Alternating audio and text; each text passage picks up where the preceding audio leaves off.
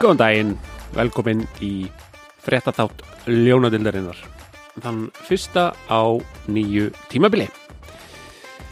Síðasti þáttur var eh, fyrir síðustu umferð eh, á síðasta tímabili og um, úslitin voru nú reynda ráðið þá en, en Funny But True, Aron Fuego og skum liðinu til hammingju með titilin síðasta tímabili.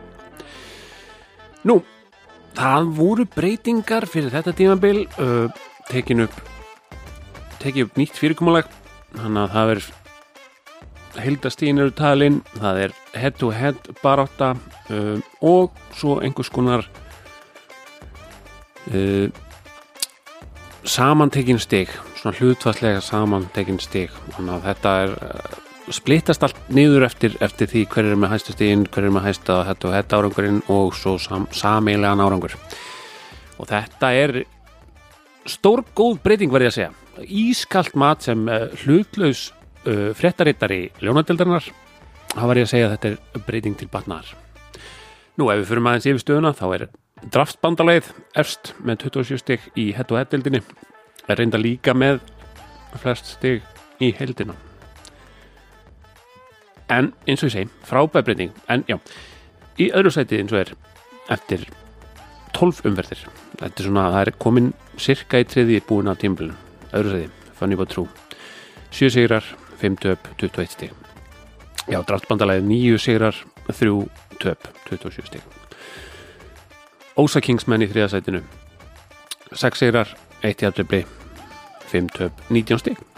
Blanko tím í fjórðasæti 5 sigrar 1 jæfnibli 6 töp, 16 stig.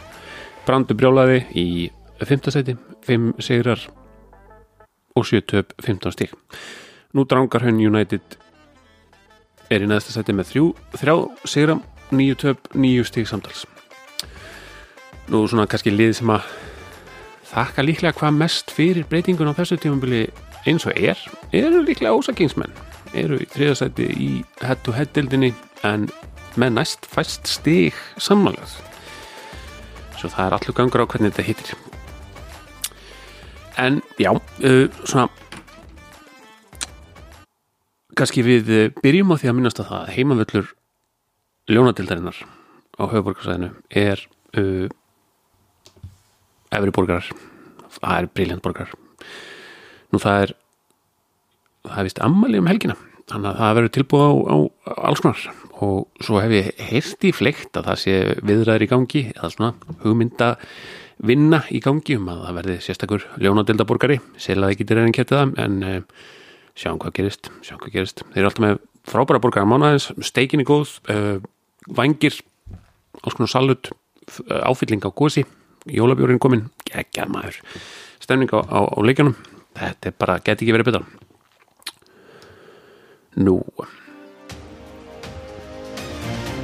Ég ætlaði nú ekki kannski að fara eitthvað ítala yfir hverja umferði fyrir sig aðeins um 12, en ég longaði núna fyrsta, um, fyrsta tímabilið er svona sirka bát komið þriðjung á veg. Að kíkja þess á draftið. Það var draftað hvað þremur dögum fyrir fyrsta leik eitthvað svo leis tveimur.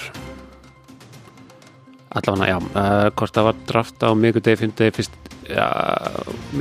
fyrsti, fyrsti leikur á fyrstu degi, það var stutt það var korter í tímabil, það var, var draftað eftir að það hefði verið dreigið í draft umferð í, við mikla viðhöfn í, á leikninsheimilinu í, í leikninsheimilinu og þá ræðist það þannig að, að fyrsta draftbygg við brandu brálaði svo kom Ósa Kingsman, Funny But True svo draftbandalegið Drangaun Raun United með fymta bygg og annað tímabili í röð og Blanko tím draftpick númer 6 slaka þessu tónlistin í bíljum setja hann kannski í ganga eftir, ég veit ekki bara eftir hvernig stemningin er. Tökum eitt svona. Já, ok. Já, þannig að það við fengum að vita það með ágætis fyrir það þannig að það var hægt að kortleggja það kortleggja draftstrategi út frá hvað pikk var uh, varð fyrir valinu og annars líkt og liðin notu nú ímsar, strategir í þessu og þetta var mjög skemmtilegt kvöld á efri og gaman að hafa þetta svona ekki online heldur með draftspjaldi sem var upp á vegg og, og miðarnir sem voru kleiftir út og svo límduðu þetta upp eftir kunstarinn og reglum og það, þetta gaf þessu alveg gott krydd og ég, ég mæli með þessu ef það það vill svo til að sé einhver hlusta á þetta sem er ekki í ljónadildinni þá mæli með að, að fá veggspjald og, og gera þetta svona manjólt ekki online draft það er miklu skemmtilega, miklu meiri stemning og hérna verður vonandi bara endur tekið þetta er eiginlega the way to go myndi ég segja. En já, förum, ef við ætlum að fara ég fara aðeins, ég, ég, ég settist yfir þetta og, og, og krönsaði nokkra tölur í þessu alveg vi, viðustykilega langdregna og leðilega landsleikja hliði sem er að skemma fyrir manni uh, fantasi helganar og hundi mæta að hætta bara sem, flest, sem fyrst þessar landsleikja vikur eða helgar. En já, ég, að, ég fór yfir aðeins uh, kíkt á hvernig voru liðin að drafta og hvað gerðist og hvernig, hvernig hefur það spilast fyrir liðin. Og þetta er náttúrulega eitt er náttúrulega hvernig liðunum hefur gengið en svo, svo er það sko hvað hafa draftpikkin hvað, hvað, hvað, hvernig hvers, hvað hafa í rauninni þessi dröftu leikmenn skilað liðunum kannski taka það saman. Þannig að þetta er svona pínu samantækt á kannski stígum hlutfalli af heildastígum uh, hversu mikið er að spila annarslegt þannig að við byrjum bara tegum þetta bara lið fyrir lið held að. Þannig að við byrjum þá ég byrja þá á Brandi Brjála sem var með draftpick nr. 1 og það var líklega eitthvað minnst óvænta pick kvöldsins þegar pick 101 fyrsta pick í fyrstu umferð var Elli Littli Holland hjá mannsti sitt í jújú Elling Holland og hann þurfti síðan að býða brandur uh, eftir því að taka síðasta vali í annar umferð. Þá fekk hann snúringin þá fekk hann sérst, alltaf tvo í einu sem er alveg áhugavert áhugavert að drafta þannig að maður svona, að býða lengi en þá fæ maður líka tvö pikk og þá getur það að leika sig með það.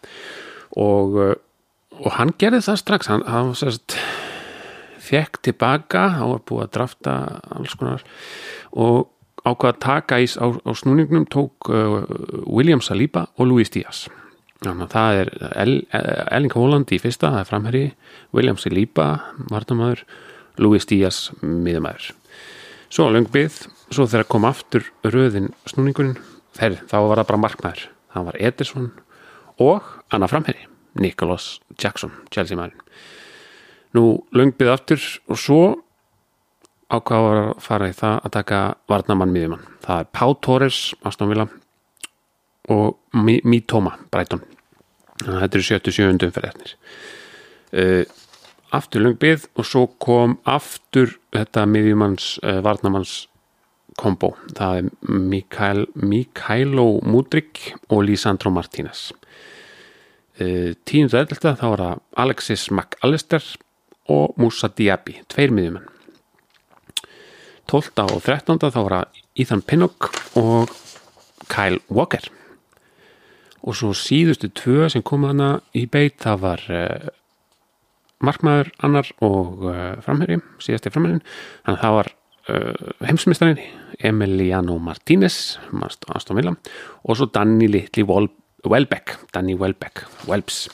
Þannig að það var, það var síðasta byggi þannig að við tökum örsnögt þá var þetta Holland, Saliba, Luis Díaz Ederson, Nicholas Jackson Pau Torres, Kauru Mitoma Mikaelo Mudrik Lisandro Martínez, Alexis McAllister, Musa Diaby, Ethan Pinnock, Kyle Walker, Emiliano Martínez og Danny Welbeck. Nú, það þarf ekki að fjölir þann það að fyrsti maðurinn á blað, hann er náttúrulega búin að spila alla leikina. 96 stíg, næst flest stíg allra í Fantasí með 17,6% af öllum stígum sem brandubrjála hefur fengið. Það er ljómandi fínt og akkurat það sem að þú vilt frá fyrsta pikki eða bara frá pikki í fyrstu umferð þú vilt ekki einhvern veginn sóa því helst ekki, helst ekki en hann hefur allan að deliverað þú veist, þetta það veri ekki efstur en ég minna, koma hann, að vera annað sæti vera með hátt í 100 stík uh, það, og það er ákveð stökk eftir tveir eru svolítið svona skera sig úr með það. Þannig að já, bara vel hefna fyrsta bygg Saliba. Nú hann er með 55 stík hann hefur ekki spilað alla leikina fyrir brand. Hann var á begnum uh, í áttunduförð já, þegar Arsenal spilaði við Manchester City þá ákvaða brendur að setja Saliba á bekkin en Saliba uh, ákvaða sína ég veit ekki, sína gefa hann langt nef það var með sjösti á begnum þegar hann kvildi en þetta er svona trikki að spila þessari varnamenn gegn hérna öfluguleganum þannig að það er svo sem skiljanlegt 55. samtals 20. sæti allra hann er þriða sæti af varnamennum með sérst 48 af 544 stegum hjá brandi 8% að tæmlega 9% en hann er ekki lengur hjá brandi það er búið að treyta hann til ósakingsmenn. Í landsleikalinu fyrir Trent Alexander Arnold. Það verður áhugavert að sjá hvernig það spil spilast. Allan, þriðju umferð Luis Díaz, hann hefur líka spilað 12 af 12 leikjum hjá Brandi. Þannig að þessir, þessir efstu þrjú pikk er að spila mikið. Uh, í rauninni bara eitt leikur þar sem þessi efstu þrýr hafa ekki spilað fyrir, fyrir Brand Luis Díaz er með 39 stík og þau hafa all farið til það farið til brands þannig að það er svona 7% cirka nú, Ederson, markmaður sem hann tekin alveg fyrir eitthvað snemma hann hefur verið að spila 7 af 12 leikjum fyrir brand. Hann hefur uh, í rauninni spila 11 af 12 fyrir, fyrir uh, Master City. en, en hann er með 37 stík hann, hann er tíundasæti af markmannunum þannig að þetta er svona hann hefur alveg verið sprækar í svona fantasilega síðan en um, Brandur er búin að halin 22 af þessum 37 stigum fyrir, sem, sem, sem hann hefur samtalsnáði í leiknum. Þannig að 22 stig það er svona 4% af heldastigafjöldunum fyrir, fyrir sjöleiki af 12 þannig að um, já, svo kom Nikolas Jackson sem var nú pínu svona vombreyði með hvað hva stemdi í að hérna, uh, var sprækur í, í æfingarleikjunum og, og annars líkt það voru mikla vonir bundnar við hann. Uh, og hann er með sko 42 stygg samtals í Fantasí hann er 12. sæti hjá framherrum en í rauninni bara búin að missa út eitt leik og þetta er ekkit, ekkit svakalega gott að, að veist, það er ekkit það margi framherjur þannig að 12. sæti er ekkit upplugt fyrir framherjuna uh, 12. sæti af sé svona í fantasínu held um, þannig að og líka það þú veist ef við tökum þessa fimmleiki sem að spilaði fyrir brand þá er þetta eitt stig, eitt stig svo eitt góðleikur sjö stig svo eitt stig og eitt stig þannig að brandur gafst upp og, og Nikolas Jackson er unn eftir, eftir fimm umferðir og seldan fyrir sjá Petró sem að, sem að hérna líka ákveðin vonbriði svona þannig að það sé og hérna Jackson hefur henni farið, hann er, svona, er verið stefna í að verða svona journeyman hann, hann að ná eitt leik fyrir draftbandaleið og annan leik fyrir Ósa Kingsman á tímabilinu. Hann, hann er svona veist, takan í fymtu umferð þetta er svo sem alltaf lega að taka sjansa á því en, en þetta, þetta er svona samt ákveðin vonbriði að sérstaklega miða við hvað, hvað væntinga voru á hann uh, sjötuðanferðin Pá Torres hann, e, hann spilaði bara einn leik fyrir brand í fymtumferð hann var á bekknum og þannig að hann, já um, hann með 38 stíg samtals í fantasí þannig að hann er, hann er með jafnmörg stíg í heldina og Trent og Daló og Diassi. Þannig að þú veist, hann er ekki hann er, hann er ekkert búin að vera lélegur einhvern veginn heilt yfir á tímabilinu þannig að en var ekkert að skilinu sérstöku þannig að hann fekk bara tvö stíg fyrir hann uh, brandur þannig að hann var seldur fyrir sjöttum fyrir, fyrir uh, sér sér hjá Newcastle sem hefur alveg spilað sjöleiki hjá Brandi brjála síðan þá. Þannig að það, það voru fín skipti og greinilega fengið mann hann sem hann gætt treyst. En, en Pá Torres hefur síðan þá spilað uh, tóleiki fyrir Fanny Batrú þannig að hann er svona einhver sem að önnulið gæti nú alveg öruglega nýtt. Sjöndu ferð Mítóman, hann hefur spilað 11 af 12 leikjum hjá Brandi. Hann var á bekknum hjá Brandi í nýjundumferð þegar Brighton spilaði við Master City. Uh, ólíkt Saliba þá skilaði nú ekki miklu á bekknum hann var með tvö stíð þar. Þetta er svo sem var fína ákverðum þá á, á kvílan mútið City. Hann er með 53 stíð samtals í Fantasí og 24. sætinu almennt séð. Til dæmis uh, Ben White er þarna með, með jafnbrökk stíð hann er í 17. sæti af miðjumunum hann, hann er með 51 stíð fyrir Brand Brjálaða þannig að þetta er svona, svona tæplega 10% 9,4% af heildastíðanum Múdrygg spilaði uh, tvo tvo leiki, fyrstu tvo, eitt stík kónuleik, bara með nýju myndu spilar og svo 45 myndu spilar hann hefur spilað meira síðan með 30 stík samtals en, en hann er svona rokkandi ekki að það treysta á hann leikmaður. Uh, hann er með jafnmörg stík í fantasy í, eins, og, og Jeffrey Sloop og Billy Gilmore þannig að það voru klálega meiri væntingar uh, bónan til hans heldur en það að hann sé að skila einhverjum slúpstígum sko. Um, þannig að hann er með tvö stík af þessum 544 sem að Brandur Brjálaði hefur fengið samtals. Hann var seldu fyrir, fyrir uh, þriðjumferð fyrir Leon Bailey en Bailey hefur svo ekki gert mikið. Hann spilaði bara eitt, eitt leik fyrir, Brand. Skilaði þetta fimm stígum þar en, en ekkit, hann var ekki komin til að vera og hann hefur ekki spilað fyrir annar liði ljóndeildinni hann, hann Brandur ákvaði að taka sjensin á hann aftur fyrir tíundumferð tók hann inn fyrir, fyrir Morgan White Morgan Gibbs White en hann var uh, tviðsvæðsynum á bekknum 0 stíg, 0 stíg og þannig að hann fór aftur út núna fyrir 12. umferðina þegar brandur ákvað að fá inn Mohamed Kudus þannig að hann er svona jájá, já, kannski einhver til að fylgjast með en, en ekki að þetta segja að sé eitthvað var í þetta draft en við erum náttúrulega komin í svona eftir mitt, mitt, mitt draft og þá svona kannski var allur gangur á því hvernig það hefnaðist og menn voru að taka sénsa og svona missat hvernig menn, þetta spilaðist en, en svona bara miða við leikmannin sjálfan þá er þetta nú bara vonbreið verður að segjast. Nú í nýjumdöðu ferð þá draftaði brandur Lísandro Martínez. Hann spilaði einn leik fyrir brand fekk 0 stíð í fyrsta leik með 45 mindur spilar og guld hann að einhver meðslavandræði að hrjá hann með 5 stíð samtals. Þú veist hann er búin að missa 5, af 7 heilum leikum þannig að hérna það búið að vera erfitt á Lísandro Martínez. Nú hann er já með 0 stíg fyrir brand hann var seldur og frí, frí transfer fyrir þriðjumferð fyrir uh, Diogo Daló sem er búin að spila eitt leik fyrir brand og ná þar í eitt stíg svo það var nú svo sem ekki, ekki merkilegt, ekki þannig. Uh, Martínez spilaði líka eitt leik fyrir Drangarhund en er mestmægnis búin að vera metur þannig að það er svona hefur huglega áttast skilins fleiri stígum með það fyrir brand myndi ég halda. Þannig að en, en það er erfitt að segja að maður getur ekki einhvern veginn reikna með meðslum eða ekki, það er alltaf erfitt að eiga við þau Nú, tí, tíundumverðinni Alexis McAllister.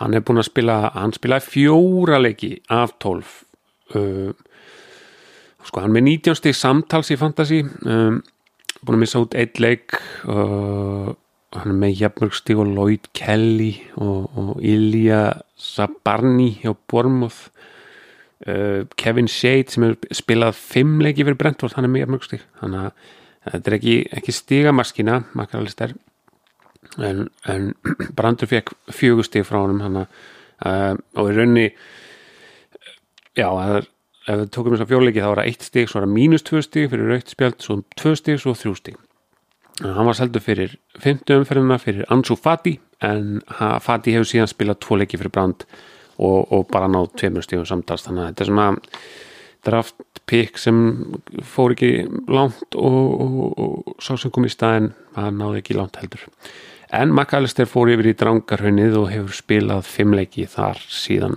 síðan þá þannig að það er, það er trú á honum í drangarhauninu og, og kannski fer hann að, að, að resast við í framhaldinu, hver veit nú, svo kom hérna í 11. umferð miðjumadurinn Musa Diaby og það er bara gaur, það er gægi sem hefur spilað 12 af 12 leikjum hjá brandi og skilað hvorki meir hann í minna en 65 stígum og hann er í tíundasæti yfir alla leikmenni fantasy. Sjötta sæti uh, ef við teljum, teljum bara miðumennina. Þannig að það, þarna kemur eitt alveg úrvals draft pick uh, í 11. umferð svona, þetta, er, þetta var hérna 10. 11. snúningurinn 10-11 snúningurinn, Gefum, segjum bara 11, það hljóma betur það, það lítur betur út þannig að 11. umferð pick það eru er, sko, eru 65 stig sem er alveg 12% af hildarstíðunum sem að brandur hefur fengið það er helviti gott að ná því í 11. umferð það er bara verða að segjast nú, 12. umferðin þá kemur Ítan Pinnock og hann spilaði ekki neitt ekkert fyrir brand hann er með 41 stíð samtals í Fantasí sem er jafnmörg og til dæmis Pascal Gross og Evan Ferguson hjá Brighton. 15. sæti hjá Varnamennum það er fínt. Það er bara fínt. Brentford bara búin að vera solid í vördinni og hann er hann áða til að vera sprækur fram á við líka. En 0% afstígum Brands. Hann var fyrsti leikmæðurinn með sér út hjá Brandi Brjála hann seldi hann fyrir aðraumferð, bara eftir fyrstumferðina út með hann fyrir Axel Di Sassi hjá Chelsea sem hefur spilað þrjáleiki fyrir Brand uh, Pinnock, hann hefur með hann spilað einn leik fyrir Fanny Batrú fekk tvö stík þannig að það er mikið af stegum sem hafa ekki verið að skila sér inn í ljónuteldina hjá Íðan Pinnok, þannig að spurning hvað gerist í framhaldinu. Sjáum til. Nú, í 13. umferð, þar kemur annað helviti stert pikk, Kyle Walker, í 13. umferð, Kyle Walker. Nú, það er náttúrulega alltaf gamla góða pepprúletan og hvort hann, þú veist, missi algjörlega að trúa einhverjum leikmanni og, og selja hann til eitthvað, eða lána hann til þýskans og hver veit. Þannig að þetta er kannski svona uh, skiljanlegt að, að það var ákveðin svona varnagli á, eins og er bara á öllum í leikmennu nema kannski Holland og Edison þú veist, allir hinn eru upp einhvern veginn ég veit það, ég bara fyrir því hvernig skapi Peppir þú veist, hvernig hann, hvernig hann vaknar bara hvernig hann fer fram úr en allan, hann hefur sann spilað 12 af 12 leikjum fyrir Master City og 12 af 12 leikjum fyrir Brand brjóla 43 stíð samtals, Jafnmörg og, og Robert Sanchez, Diogo, Diogo Shota, Jeremy Dogu, André Onana og Mikki Van de Ven, 11. sæti hjá varnamennum í Fantasí. Þannig að 43 af 544 stugum, tæp 8%, það er fínt fyrir 13. pega, helviti gott.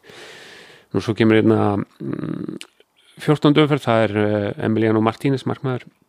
Hann spilaði fjóra leiki hjá Brandi, 30 stíð samtals, eh, Martínez er með 30 stíð samtals í Fantasí sem er jafn mikið og mútrík Calvert Lúin og Richarlison 15. sæti á markmannu það er ekkert sérstætt það er bara veist, já, en hann mist út eitt leik en þannig að það er já, já uh, þannig að í þessum fjónuleikum þá hann fekk sérst 8 stig, 3 stig, 3 stig og 0 stig skoraði sjálfsmarkarna hann fekk 0 stig en henni þrý leikirnir er þetta búið að vera fint sérstaklega náttúrulega þessi 8 stiga leikur þar sem hann heldur einu vantala og hérna þannig að þrjústíð fyrir markmann svona, það sleppir alveg, maður vil náttúrulega fá meira en veist, það, það, það sleppir alveg. Uh, hann var seldu fyrir 11. umfyrirna fyrir Onana sem spilaði eitt leik fyrir Brand og hjælt reynu þar og fekk áttastig hann en Martínez er komin yfir í drangarhunnið ekki búin að spila neitt þar ennþá. En uh, hlýtur að gera það uh, einhvern tíma, myndi ég halda. Hann er nú heimsmistæ það hlýtur að þýða eitthvað. Og svo kom loka pikkið 15. pikkið, það er Danny Welbeck. Og hann spilaði ekki neitt. Ekki fyrir brand, hann er með 15. samtals uh, seldur og frítransfer fyrir aðraumferð sérst eftir tvoleiki fyrir veðmála braskran Ívan Tóni í long game move eins og við kallum það í bransunum það er verið að hugsa vel fram í tíman ég held að með, stjóri Brands hafi bara hugsað með sér hann ætla að fara hérna í sólina í siglingu og, og sjáu fyrir sér að geta hann svo bara nota tóni þegar hann kemur tilbaka. Hann hafa bara verið að hugsa fram yfir siglingu sko. en, en hann svo sem, já, Elbeck hefur svo mikið að gera neitt mikið en þetta, get, ég, þetta er sjans alltaf að taka að vera með hérna, meita menn leng, til lengri tíma eða, eða menn í, í lungum bönnum að uh, á, á bekknum, þetta eru bara 15, þetta eru bara, bara þrjú bekkjaplás sem að, sem að menn hafa og, og hérna, þetta er bara séns, þú veist, svo, sjá, svo bara telljum við í, í, í, í vor hvað hva kom upp úr því, sko. Þannig að þannig að já að, ef, við, ef við tökum saman það er 12 umfyrir búnar og það er, það þýðir það að það eru samtals 132 leikir hjá leikmönnum uh, í rauninni. Þannig að 11 leikmenn, 12 umfyrir samtals 132 leikir hjá leikmönnum hjá uh, fantasy liðunum skilji hvað mér og ef við, ef við tökum þá leiki sem þessi dröftuðu leikmenn hafa spilað fyrir brandbrjóla af þessum 132 þá eru það 94 leikir af 132 sem eru þá, er þá draft leikmanna hlutfall af spilum leikjum upp á 71,2% 94 af, af 132 nú brandur með heildastíga fjöldan 544 stíg stígin sem hann hefur fengið frá dröftuleikmannum 397 stíg þannig að draftleikmanna hlutfallið af stígum er 73% ég, ég tek þetta saman aftur þegar ég er búin að fara yfir öll liðin. Uh, gæti nú orðið helviti langur þáttur en það bara verður af það. Uh, þannig já það, ég, ég ber þetta svona saman þetta er áhugaveru samanbyrju svona í lókin en hann að hérna uh, sjá hvort ég nefn að fara yfir jafn ítalið yfir alla leikmenn alla, alla, alla leikmenn allra liða. En ég tek allavega samanbyrju líka. Nú draftpick nr. 2, Ósa Kingsman ef að fá stefið kannski þetta stef eða þetta stef næ, þetta er restmar tökum þetta skemmtilega að hlusta á eitthvað allan fyrir mig bara, bara ég hlusta á eitthvað meðan ég er að tala svo ég sé ekki bara að hlusta á mig nú gott lag sko. já, Ósa Kingsman með draft pick nr. 2 og það var náttúrulega þarna kom óvænt óvænt pick mögulega óvæntasta pick í draftinu sjálfur, ég veit það ekki. Ég, allan að kannski fyrir mittleiti, ég veit það ekki. En þetta ósakingsmenn stjóri ósakingsmanna uh, þekktur fyrir það að hafa handuð á, á, á lefupólmunum þannig, þannig að pikkið í fyrstu umferð hjá ósakingsmennum var Markus Rashford já, Markus Rashford annar umferð Trent Alexander Arnold þriðum umferð Alexander Isak fjóruðum umferð James Madison fymtum umferð Miguel Almirón sjöttum umferð Virgil van Dijk sjöndum umferð kom Kai Havertz áttundum umferð kom Pascal Gross nýjundum umferð Andrei Onana tíundum umferð Fabian Scher elleftum umferð Julian Alvarez. Tóltum umferð Ben Mee. Mee. 13. umferð Rafael Varan 14. umferð Dominic Solanke. 15. umferð Bernd J. Leno ekki J, bara Bernd Leno fínasta leið fínasta leið sérstaklega í head to head mjög öflugt í head to head sjáum sjáum hvað er að skila miklu svona hlutastlega Marcus Rashford spilaði 11 af 12 leikum Ósakingsmenn fyrsta liði til það sem að það sem að ú, eftir 12 umferðir er engin leikmaður sem hefur spilað alla 12 leikina fyrir Ósakingsmenn öll hinnilegun eru þá með 1 til 4 leikmenn sem hafa spilað alla, alla 12 leikina. Marcus Rashford hefur spilað 11 af 12 hann var meittur í einu leik fyrir uh, United. Mistist þetta af 0-1 segir á fúlam hann er með 35 stík samtals, hann er jafnmörg stík og Trossard, Digni, Eze sem er búin að vera meður, Lindelöf og Willy Bóli þannig að fyrir fyrstu fyrir pikk í fyrstu umferð þá er þetta mombrið 35 stík af 486 7,2% uh, og ósakingsmenn voru ósattir á hvað treytun eftir 12 umferð eftir, sérst, núna í landsleikileginu bara as we speak þá var hún treytað í, í mjög áhugaverðu treytu við Blanko, Blanko tím þar sem að Rashford og Van Dijk fóru og á móti komu Bruno Fernandes og Tyrik Tyrik, Tyrik Mitchell hjá Crystal Palace. Verður mjög frólægt að sjá hvernig það spilast uh, annar umferðar pikið, Trent Alexander Arnold. Trent var um, frábær fyrir tveimur árum síðan í Fantasí en vonbreið fyrra uh, og svona, já, hann er með 38 stegi samtals í Fantasí núna. Jafnmörg og Pá Torres Di, Di Sassi og Daló eins og ég sagði á hann 17. Sæti, eða 17. til 20. sæti hjá Varnamennum það er ekki eitthvað sérstætt og alls ekki það sem að það sem að væntingarna stóðu til trend nú, en hún var líka að treyta núna í landsleikarleginu til Brands Brjála fyrir William Saliba 7,6% af stígunum sem að ósækingsmenn hafa fengið með 38 stíð samtals en um, og var hérna eitt leikur þar sem að ósækingsmenn voru með hann á bekknum þar sem hann fekk eitt stíð þannig að hann, hann skilaði 37 stíðum til ósækingsmanna þriðju umferð Alexander Isak framherri hjá Newcastle. Hann hefur spilað 6 af 12 leikjum fyrir ósækingsmenn 44 stíð samtals jafnmörg, samtals í fantasy jafnmörg og Sinchenko, Fabian Sier og Romero hann hefur skilað 33 af þeim til ósakingsmanna 33 stíg uh, með 2 13 stíðarleiki í af þessum 6 þannig að 2 13 stíðarleikir og hinnir eru þá 2 stíg, 2 stíg, 2 stíg 1 stíg þannig að hann er svona hann heitur kaldur leikmann, hann er aldrei svona einhvern veginn miðlungs, hann er alltaf bara hann er hvort er hann on eða ekki 6.8 stig farin fyrir uh, 11. umferðina.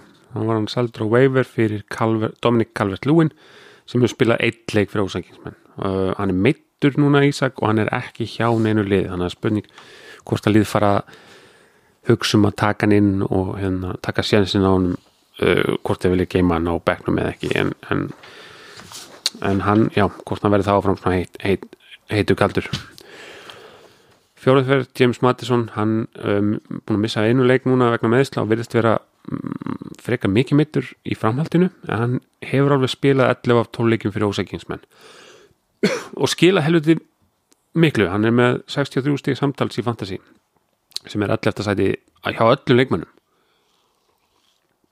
7. sæti hjá miðmennum, þannig að hann er með alveg 13% af, af þessum 486 stígum sem ósækingsmenn hafa fengið Nú, fymtaferð, Mikael Almirón spilaði fyrstu fjóra leikina fyrir ósakingsmenn mm, skilaði sjöstígum, hann er með 34 samtals í Fantasy sem er ja, mikið, hann er aðna með Mark Flecken, Tim Rím og Andreas Pereira. Hann skilaði jafnmörg stígum og þeir.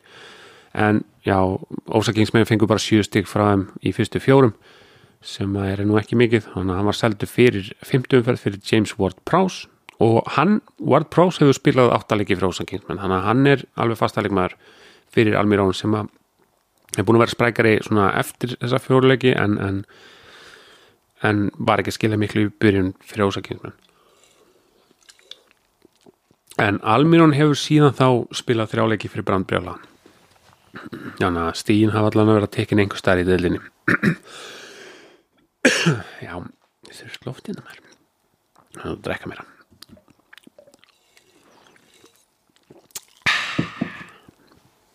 Þetta er nú bara 7-up samt sko. Um, Eða, og svo ég með jólaöl hérna líka hérna, jólaöl Ok. Að fá hérna. Þetta er spennandi. Nei, ok. Sjöttumferð, Virgil van Dijk Hann hefur spilað Já, hann fekk tvekkilega bann. Fekk eitthvað raukt spjald og eitthvað vesen og var með vesen og múður og eitthvað. Lífból verið að sapna einhverju rauðspjöldum og svona, þetta er náttúrulega ruttalið og svona alltaf bara, þú veist, verið að búin að fá fleiri rauðspjöldi, veik hvað er? Ha, hvað er var? Nei, ok.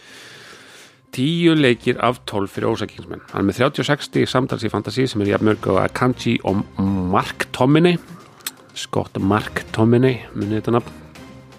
Uh, hann er í 24. seti hjá Varnamennum sem að maður myndi vilja meira af Virgil van Dijk en uh, það er svona 36 stíg af 486 hjá ósakinsmennum sem eru 7,4% eins og aður sagði, það er búið treytunum þannig að hérna til Blanko Van Dijk og Rashford fyrir Bruno og Tyrik Mitchell.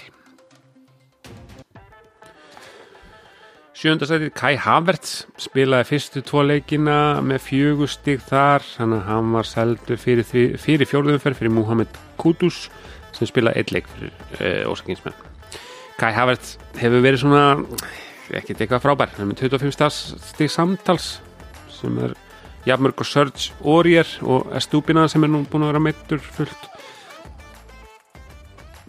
Þannig að það er svona spurning hvort hann komist einhvern tímann flug, ég veit það ekki. Hann er ekki verið hjá neinu öðru, öðru liði í ljónadildinni síðan þá áttundum fyrir leikmaðurinn Pascal Gross hann er búin að spila tvo leiki hann spilaði þetta fyrstu tvo, fekk þrjú stíð samtals en það er hann mikið notaður í vörninni þótt hann sé skráður sem miðumar það er svolítið erfitt að eiga við það hann farið að bara áhættuna og ekki bónusina sem fylgja varnamunum hann hann farið ekkert meiri stíg sóknarlega en þú veist tapar alltaf varnalega já. en hann getur verið sprekkur, hann er með 41 stig samtals í Fantasy sem er alveg jafn mikið á, á, á Evan Ferguson sem er framherri og Ethan Pinnock og hennar, en bara með þrjú stig hjá ósakingsmennu hann var fyrsti maður til að kveðja ósakingsmenn og seldu fyrir þriðjumferð þannig að þeir gera ekki neitt fyrstu tvær eftir, bara fyrir eftir fyrstu tvær. Nei, jú, jú, eftir aðranferð, allan ekki fyrir fyrstu tvær. Anyways fór fyrir Kaiseto sem spilaði eitt leik fyrir Ósa Kingsmenn og fekk þrjú stík mm. Gross fekk tíu stík í þriðju og fymtum verð en já, var ekki í neinu liðum þá. Þannig að kom síðan aftur til Ósa Kingsmenn á veifur fyrir sjöttum verð en áður en setta umfyrin hófst þá var ljóst að Gross væri meittur þannig að hann var seldur aftur á frístin þannig að hann kemur á veifur, fer á frí, frí transfer fyrir Dejan Kulusevski. Uh, sem að sem að fekk tösti að pínu svona fram og tilbaka en, en hann hefur sérst ekki spilað neðstar annar staðar síðan þá en, en, já. Svo kom Andrei Onana nýjunduferð hann er búin að spila, hann spilaði fyrstu sjö leikina fyrir ósakingsmenn byrjaði vel, fekk nýju stigi fyrstu fyrsta leik, svo koma 2, 0, 0, 2 7 og 2 22 stig hjá ósakingsmönnum sem er 4,5% hann er búin að fá 43 stig samtals í fantasi uh, sem er alveg ágætt.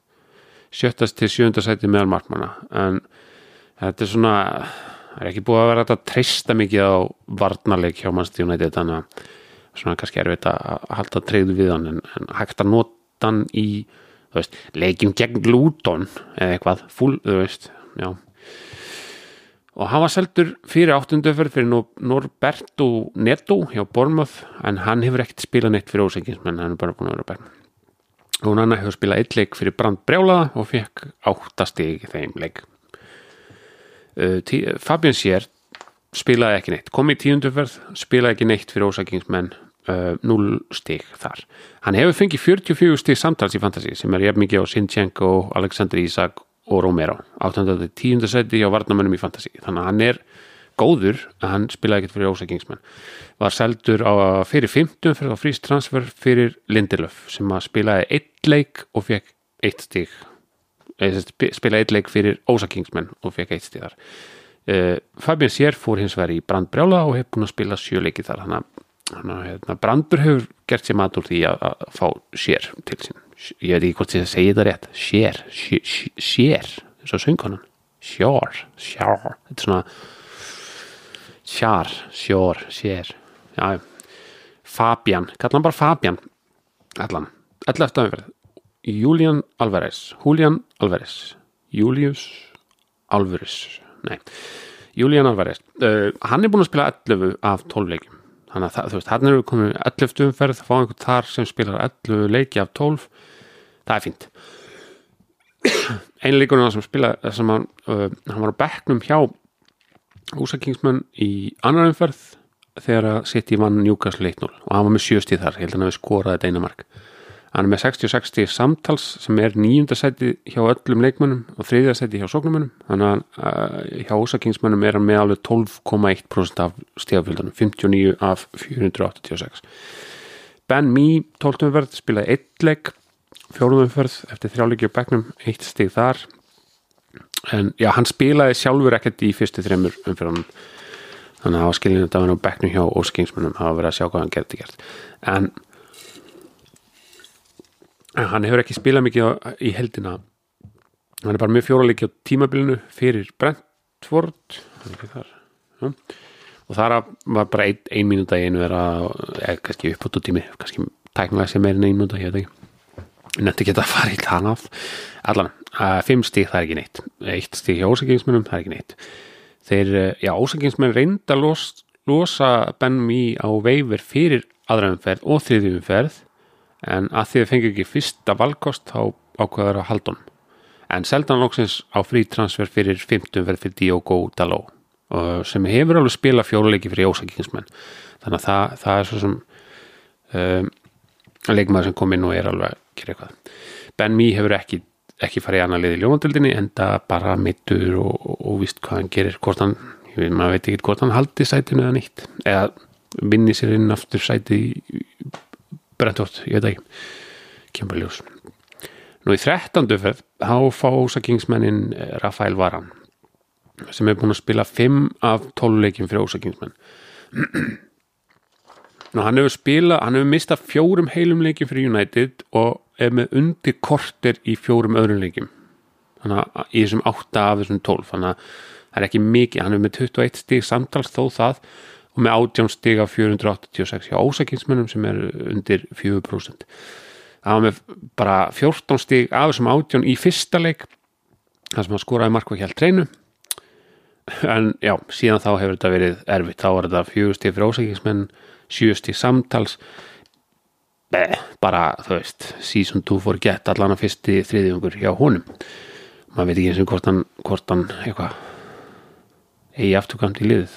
Um, kannski er þetta bara áhum bara eftir að vera meðslarhúa en ósakingsmenn leta hann fara á frí transfer fyrir fjórðumferð fyrir uh, Mikki Vandi Venn hjá Tottenham sem spilaði þrjáleiki hjá ósakingsmennum en ósakingsmenn fengur var hann aftur fyrir sjöndumferð í staðin fyrir Mikki van de Ven Varan uh, hefur ekki spilað fyrir aðnæðlið í ljónadeildinu 14. umferð Dominik Solanke, hann hefur spilað nýju leiki á 12, það er fínt fyrir svona 14. umferðar leikmann uh, framherja, nýju leiki á 12 uh, 56 stig samtals í fantasy sem er jæfn mikið og Alisson Becker, Anthony Gordon og Hee Chani á Wolves 16. til 19. seti í fantasy 4. seti hjá framherjum sem er bara ljómandi fínt 14. umferð, það er bara gæðið Uh, hann með 50-60 samtals 16 af þeim komu á bekknum hjá ósakingsmennum þannig að ósakingsmenn hafa fengið 40 stík fyrir Solange sem er rúmlega 8% á stíðan tvið svo verið með 7 stík á bekknum hjá ósakingsmennum nú ósakingsmenn, þeir letu Solange samt fara fyrir sjöndumferð fyrir Origi sem spila ekki neitt fyrir ósakingsmenn, hann var á bekknum um, einu umferð og með eitt stíð þar, hann ger ekki mikið. En svo bara strax umfyrirna eftir var svo langi afturtekinn inn og hefur verið hjá ósakingsmannum síðan.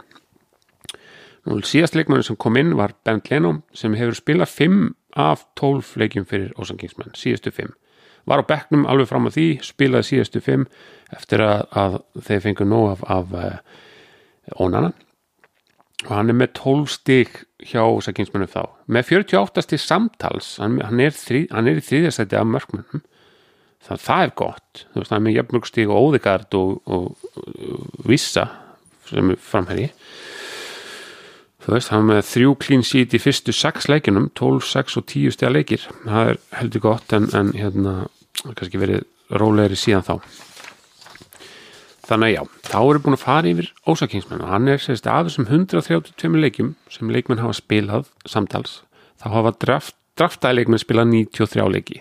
Þannig að draftleikmann hlutu alltaf spilin leikjum 70,5% Nú heildastíðin er 486 og stík frá dröftum leikmennum 370 sem er 76,1%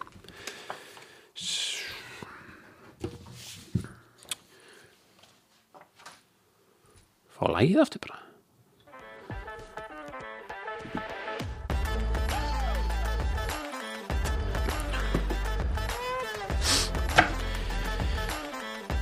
Þriðasæti í draftunum, eða þriða pikk það var Funny But True kannski var það minnst, já nei samt ekki. Það var, það var allavega definitely næst minnst óvænta draftið eða draftpickið eða valið, leikmannavalið í draftinu.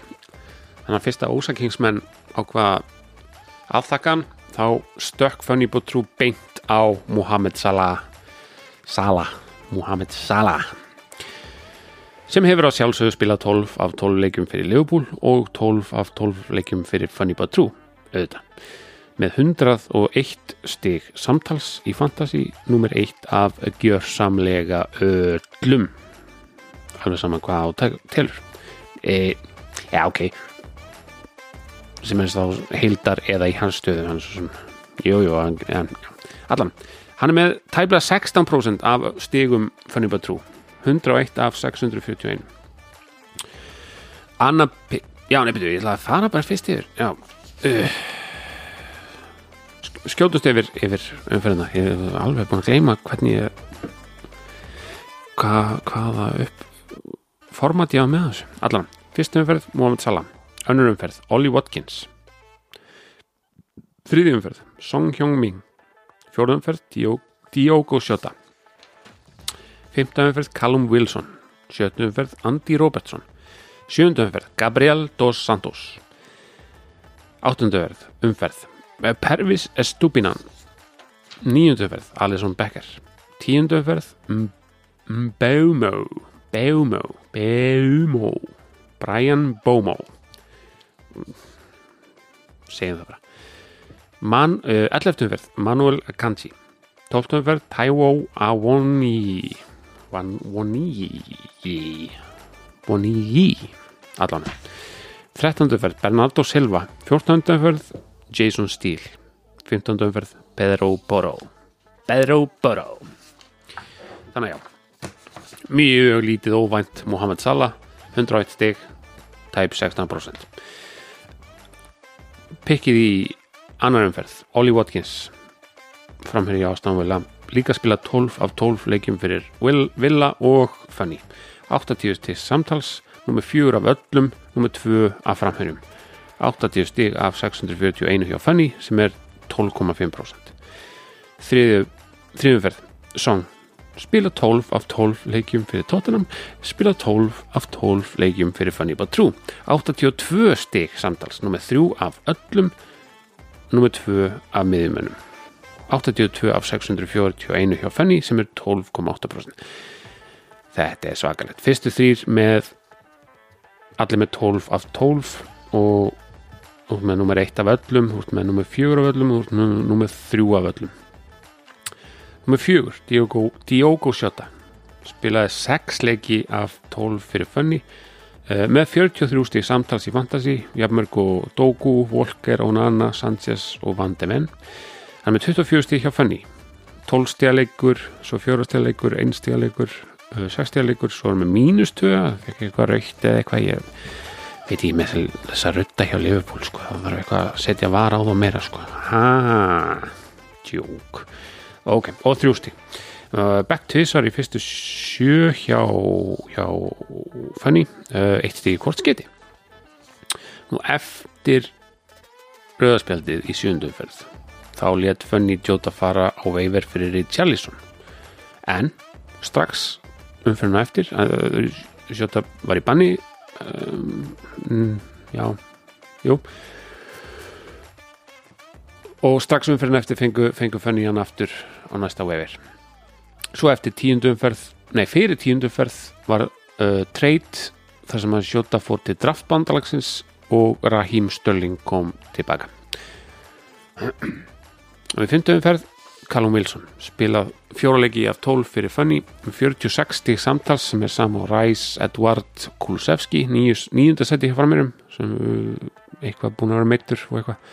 En af, þessum 46 þá er 22 þeirra komið til Funny 3,4% Nú hann var seldur á frí transfer fyrir áttundumferð fyrir Armando Broja Bro, Borja, Broja sem spilaði eitt leik fyrir Funny fekk eitt stig þar. Um, uh, Já, Callum Wilson hefur farið til Brands Brjála og spilað þrjáleiki þar. Og og skila alveg 21 stíð þar. Ágætt nú sjötaðan fyrir leikmærin Andy Robertson spilað, hann hefur spilað sjöleiki af 12 fyrir Funny. Uh, og spilaði uh, var með, var í fyrstu áttum fyrir honum uh, spilað var hann sérst, bara einu sinni á begnum það var gegn Spurs þegar hann fekk 0 stík í 1-2 tabi var vist eitthvað vafasamt hef ég hýrt, ég veit ekki. Þessi þetta? Já. Bam bam bam. Spennandi, förum við var, neitjúk nei, því engin mm, hann er mistað síðustu fjóruleiki mögnu með Ísla Andi Róbaston hann er með 26 stík samtals í Fantasy 26 stík hjá Funny 4% uh, fór fyrir nýjundum ferða þegar meittur fyrir Pál Torres sem hefur Pá Torres, Pau, Pó, Pá, Pá Torres sem hefur spilað tvo leiki fyrir Fanny Batrú þannig að ágætt svo sem mm, staðagengil sjönduferð Gabriel Dos Santos Arsenal. Hann spilaði fyrstu tvo leikina fyrir Fanny uh, og með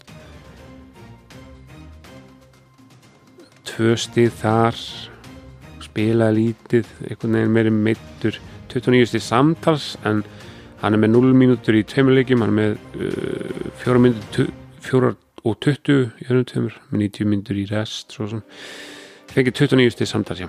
Ég fekk bara tvo leiki á Funny áður en var sendur út á veifur fyrir Ethan Pinnock. Pinnock spilaði bara eitt leik á Funny Batrú uh, Gabriel álíki líka leik á sjöleiki fyrir Blanco tím svo var það áttunduverð Estúbinan.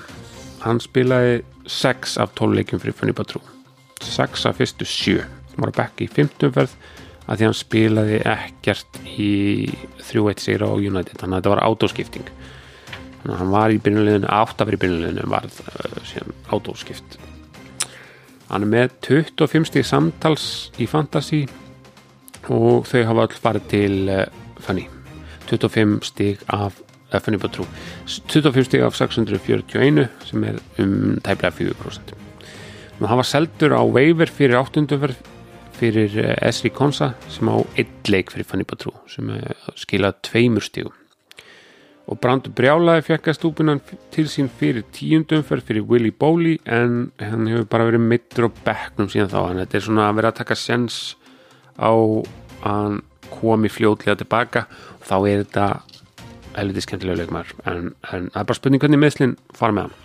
Ákveðin sens nýjundumferð Becker, Alisson Alisson Becker. Hann er búin að spila nýju af tólf leikjum fyrir Fanny Batrú var bekknum í fyrsta leik gegn Chelsea e, í áttundu fyrir gegn Brighton og í nýjundu fyrir gegn Everton. Og það eru þrjú stig, eitt stig, áttastig á bekknum. Hann er með 56 stig samtals í fantasy, hann, er efstur hjá markmannum 44 á þessum stigum hafa farið til Fanny Batrú sem eru tæp 7% sem er ágætt fyrir markmann. Þannig að hérna, já, með besta markmannin en er ekki alltaf að spila um sem að stundum virkar, stundum ekki.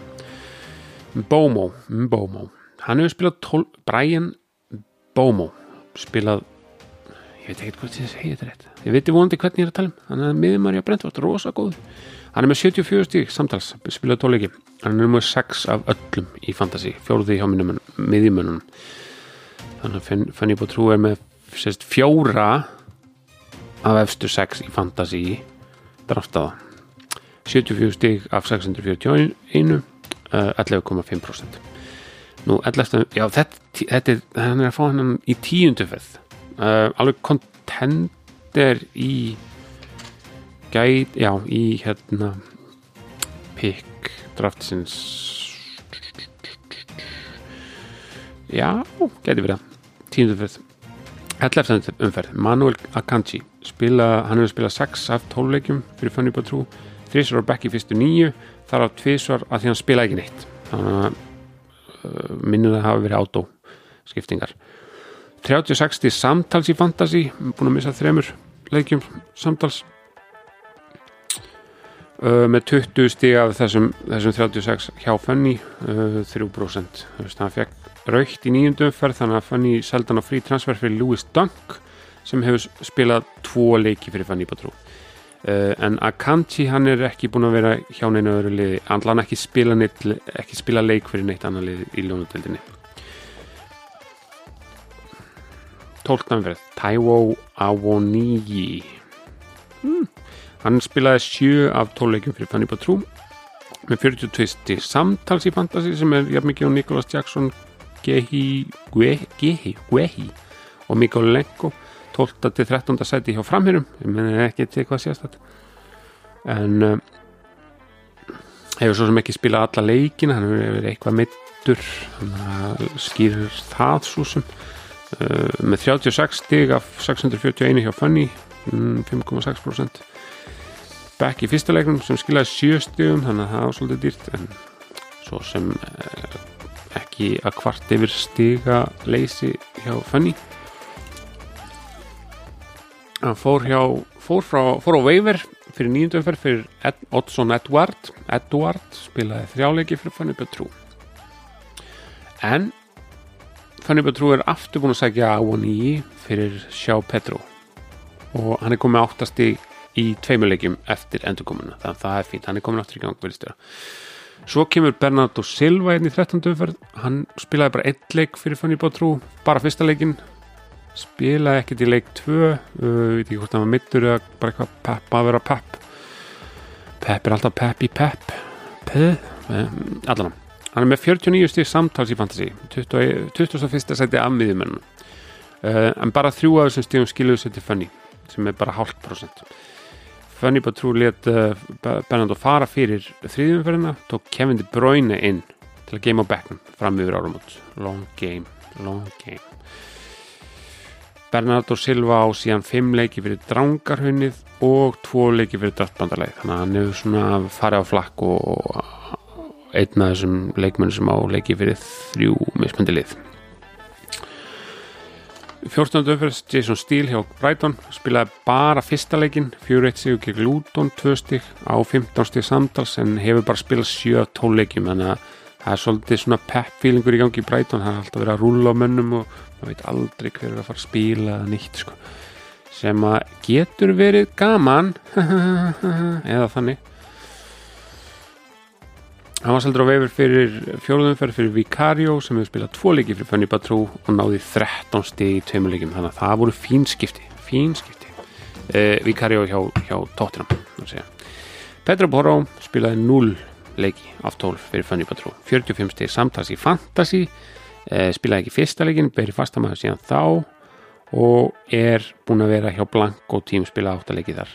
Hann var síðastur inn hjá, hjá Funny But True en fyrstur út. Þannig að hann var seldur á veifur fyrir umferð 2 semst eftir bara eina umferð að því að spila ekki neitt þá. Þá var hann seldur fyrir með þann Aki Aki Aki sem hefur spilað sjöleiki fyrir Funny But True þannig að svo sem fýtt maður sem kom inn í staðin Herru, þá tökum við þetta saman.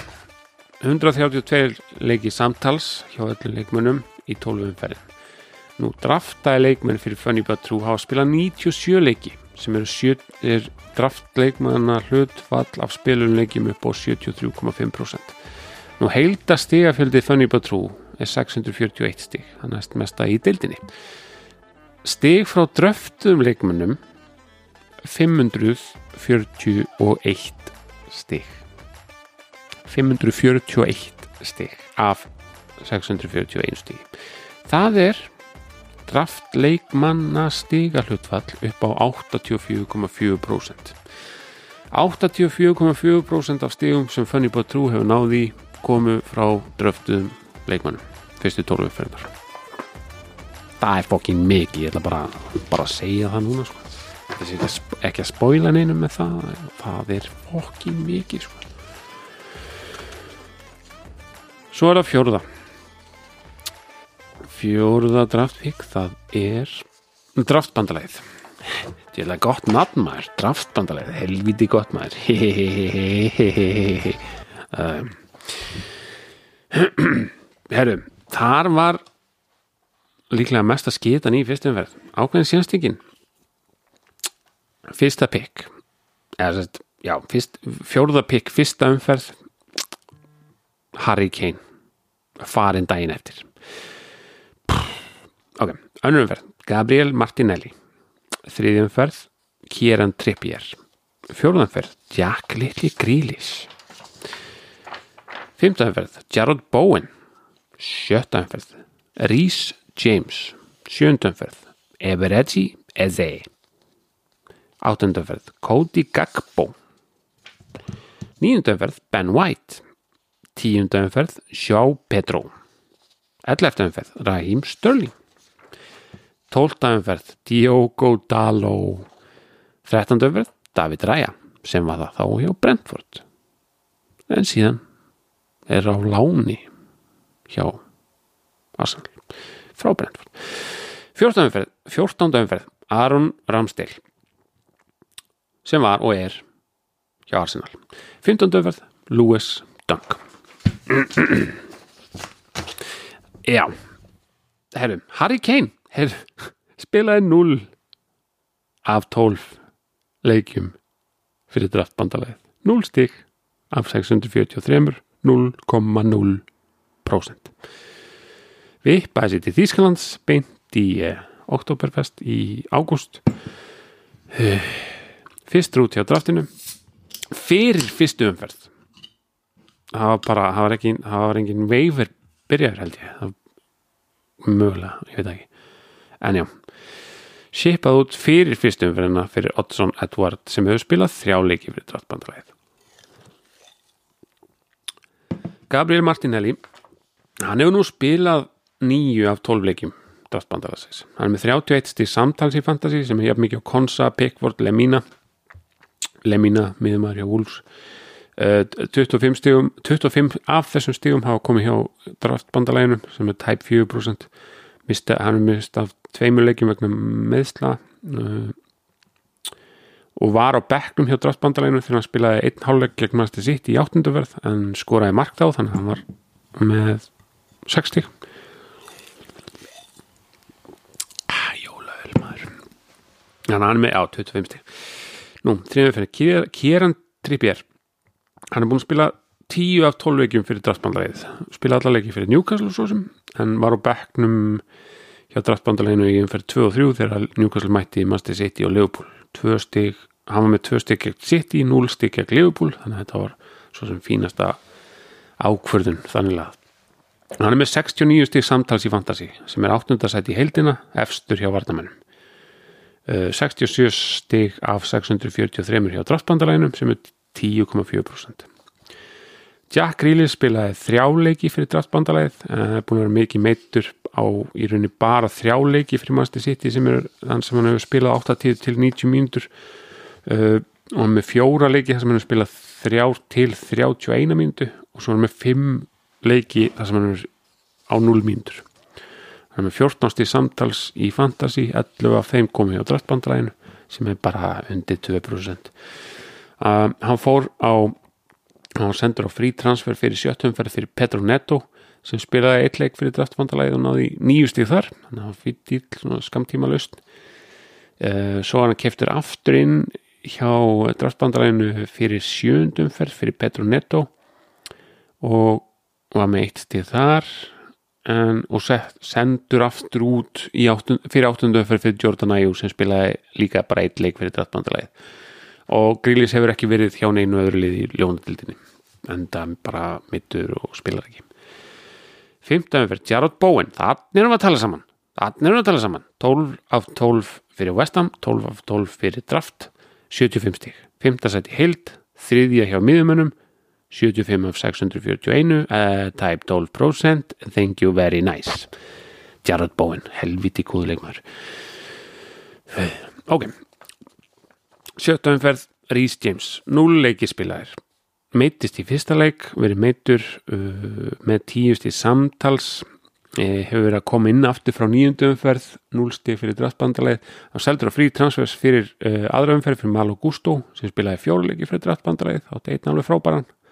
Svo var Rhys James fenginn aftur inn í draftbandalegð fyrir tíundu umferð á waiver fyrir uh, Joel Matip. Og það er svona spurning hvað hann gerir, ég held að hann verið með fjögust í síðasta leik á bæknum en hennar kannski fer hann að brakast og svo kannski bara meðist hann strax aftur. Um, sjáum til.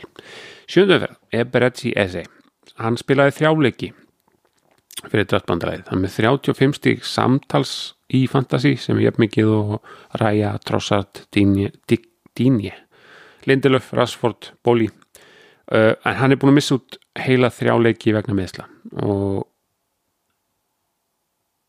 já, 12 að þessum 35 stífum komið á drattbandræðinu undir 2% seldur á veifir fyrir sjöttum fyrirna fyrir Anthony Gordon sem er búin að vera fítn, hann spilaði fjórleiki fyrir draft og fór svo yfir í drangarhinni áttundöfver Cody Gagbo hann, hann spilaði tvo leiki af 12 fyrir draftbandalagið fyrstu tvo og fekk í rauninu bara fjögur stík þar undir einu prósendi eða þannig að hann var seldur fyrir þriðjumferð fyrir Mikael Antonio sem hefur spilað fimmleiki fyrir draftbandaleið um, Gagbo hefur fengið samtals 24 stig í Fantasy sem er jafn mikið og Segi Amduni hjá Burnley. En hann á sexleiki fyrir Drangarhönn United núna í, í delinni nýjumdöfverð Ben White. Hann hefur spilað 7 af 12 leikim draftbandalagsins. Og hann er með 53 stíð samtals. Hann er fjórðarsæti hjá Varnamennum spilað 11 af 12 leikjum fyrir Arsenal. Samt í fjórðarsæti það er heldur gott, mist út núna síðasta leik þessi 12. verðina og hann er með 38 stíð fyrir draftbandalæð sem er cirka 6% uh, hann var bekknum hjá draftbandalæðinu hann var bekknum í leikjunum gegn Master United, Tottenham, Master City og Chelsea hann með tvö stygg gegn United, fjögur gegn Tottenham, hann var með nýju stygg gegn Manchester City en svo með núl stygg gegn Chelsea. Og svo spilaði hann ekkert gegn Börli þannig að þetta er svona hapa-glappa hvenar hérna draftbandalagi hefur tekið sénsinn á kvílan ekki alltaf gengið upp en uh, stundum. Tíundumferð sjá Petro sem spilaði fyrstu þrjá leikina hjá, hjá draftbandalæginu svo aftur í tóltumferð með 29 stíð samtals í Fantasy nýju þeirra hafa farið til draftbandalagsins sem er 1,4% hann á engar 90 mínútur fyrir, fyrir Brighton. Hann á bara fjóra leiki yfir 60 mínútur. Þannig að þetta, þessi Brighton rúletta er alveg nett óþólandi nett pepp óþólandi þú veist, hugsa þessi stjórar ekkert um fantasy, hvað er í gangi? ok, allan anyways 11. verð, Raheem Stölling spilaði fyrstu átt að leikina fyrir draftbandalagið uh, og þetta var svona annarkort vekkan tvö stygg eða hann vann vikuna með, uh, hann er með 60 stygg samtals í fantasi sem er alveg fínt, það er 12. til 14. sæti almennt og 8. til 9. sæti hjá, hjá miðumönum uh, hann er með 40, 45 þeirra voru komið hjá hérna, draftbandalaginum sem eru 7% af heildastíðunum treyta til Fanny Batrú fyrir tíundumferð fyrir Diogo Sjóta og báðir þessir leikmenn hafa spilað þrjáleiki eftir það fyrir sín, lið, sín nýju lið. Þannig að þetta líka, voru leikmenn sem voru notaði mikið fyrir og líka eftir. Þannig að uh, fínasta treyt svo sem. Þau tóltan umferð Diogo Dalot spilaði hefur spilað núlleiki fyrir drattbandagið spilað ekki fyrsta leikin fyrir United en hefur spilað þá út af meðslum eh, með, með 24 myndur í annar umferð 90 myndur í öllum hinnum 38 stík samtals í Fantasí 17. til 20. sæti hjá Varnamennum með Hjapmörg stík og Pá Dísasi, Díja, já Trent, Trent 0 stík fyrir drattbandalæð Seldur á Veiver fyrir aðraumferð fyrir Rík og Henry sem spilaði tvo leiki fyrir drattbandalæð en Daló á eitt leik fyrir Brand Brjálaða og svo fjóra leiki fyrir Ósækingsmenn 13. fyrir David, David Ræja hann hefur spilað fjóra leiki fyrir drattbandalæðið 23 stík samtals eða 23 stík fyrir drattbandalæðið 3,6% hann er með 35 stík samtals 12. seti hjá markmannum sem er fínt að því hann spilaði ekki fyrstu fjóra leikin hjá Arsenal, spilaði 90 myndur 90 myndur í senustu átta hann var seldur á Veiver hjá draftbandalæðinu fyrir 50 fyrir, Ariola sem spilaði eitt leik fyrir draftbandalæðið, tvö stíð þar og svo fengið aftur inn á veifir fyrir sjöttum fyrir, fyrir Ariola Sest, já, hann var, hann var látið fara í einu umferð bara, basically. Aron Ramsdale spilaði fyrstu þrjáleikina fyrir draftbandalæðið uh, spilaði í rauninni bara fyrstu fjóleiki Arsenal. Uh, fekk nýju stík fyrir uh, draftbandalæðið samtals 11 í Fantasí seldur á vefi fyrir sjöttumferð fyrir Jose Sá sem spilaði tvo leiki fyrir drattbandilegið fengið afturinn á vefur fyrir tíundumferð það því að það var eitthvað svona slúður um að ræja væri uh, í heitu sæti þannig að það var ágætt að hafa báða markmennina þannig að allavega fengist stig fyrir það en svo var Ramstil bara áfram á bekknum þannig að var, uh, Ramstil var seldur og frí, send, seldur og frí transfer fyrir 11. umferð fyrir Jordan Pickford sem á tvo leiki fyrir döttbandalegið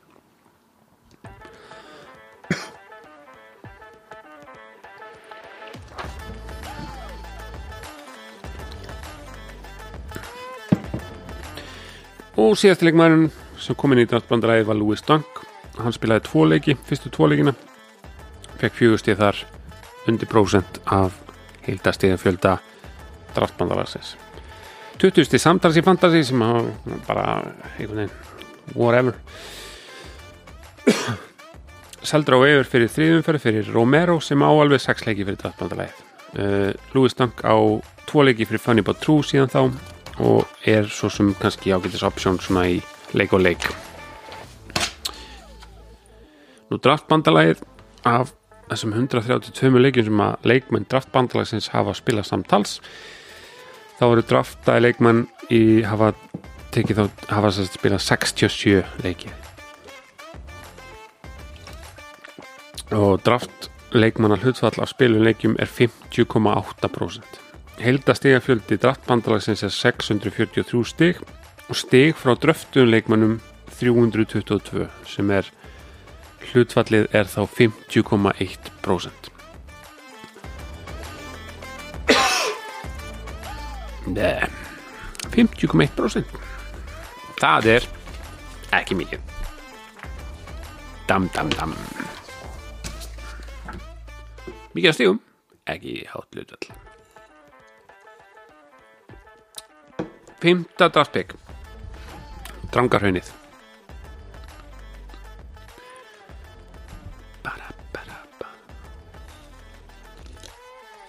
Ég spurning hvort ég láti setja fleiri lögin á þessa græjum hér Þetta er samt að vera fínt lag eða hvað? Kannski allir komum við leið á þessu. Að hækka kannski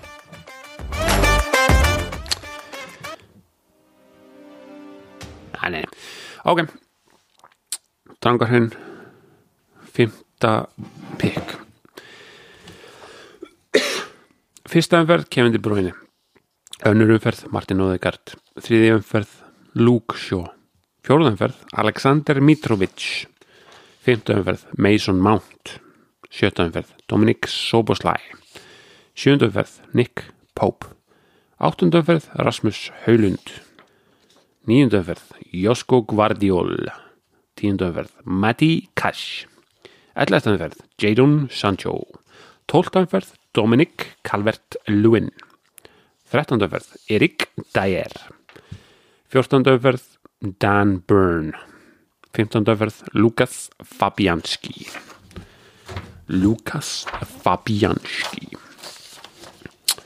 Förum við þetta Fyrsta umferð Kevin De Bruyne, hann spilaði bara einn leik. Í rauninni bara 22 mínútur á fyrsta leik, í fyrsta leik. Áður mittist var í rauninni mittur fyrir, fyrir hérna, tímbil mittist uh, í held ég úrstæðarleik mistöðunar eða hvort hann kom mittur inn í þann leik. Uh, allan, búin að vera mittur allt sumar. Var sannlega bara að spila og fljótt. Mittist og ekkert spilað síðan eitt sitt í samtals fyrir drangarhennið seldur á veifir fyrir aðra umferð fyrir Sandro Tonali sem að spila eitt leik og pikkaður upp strax í fyrir þriðumferð af Fanny Bottrú og vera á bekknum þar. Gæti komið aftur í desember eða januar eða meðist aftur, hver veit? Allana, vonbreiði meðsli er þetta svona spá fyrir það en vonbreiði önnurumferð, Martin Odegaard hann hefur spilað nýju af tólveikjum hjá drangarhenninni, fyrstu nýju og verið meittu síðan þá fengið fekk uh, höfuhögg og einhver annu meitli líka.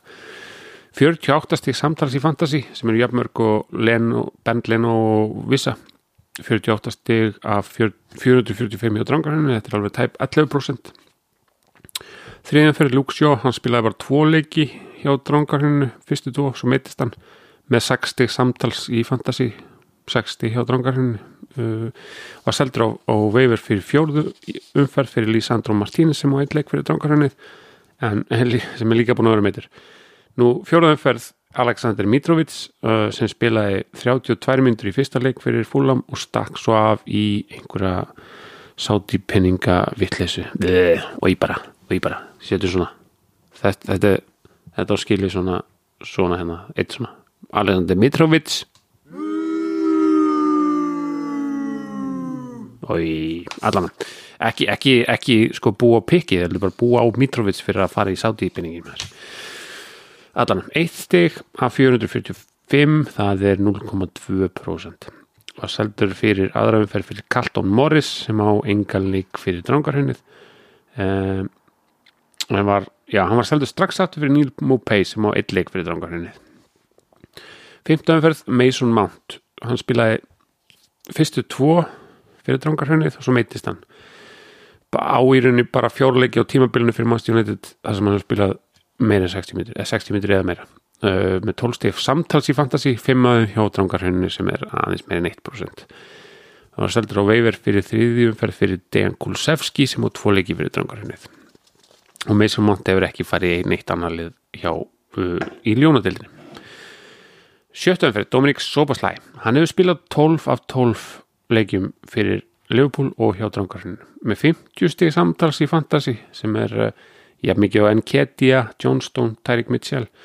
50 af 445 hjá drangarhunum, það er 11,2% þetta er svo sem fyrir einhvern í sjöttu umferð þá er þetta bara ljómandi fínt en það væri þá betra ef einhverju fyrir ofanan eða svona í umferðunum fyrir ofan væri að gera betri hluti. Þannig að þetta er allavega, já, þetta er virkar eins og fyrir leikmaður til að hafa svona Uh, svona solid hægt að trista á hann til að vera alltaf með og, og svona skila alltaf einhvern stíðum sjöndu fyrir Nick Pope hann hefur búin að spila 9 af 12 leikjum hjá drangarinn hann er með 47 stík samtals í fantasy sem er alveg, hann er í 4-5 seti hjá markmannum á samt Vicario hjá, hjá Tottenham.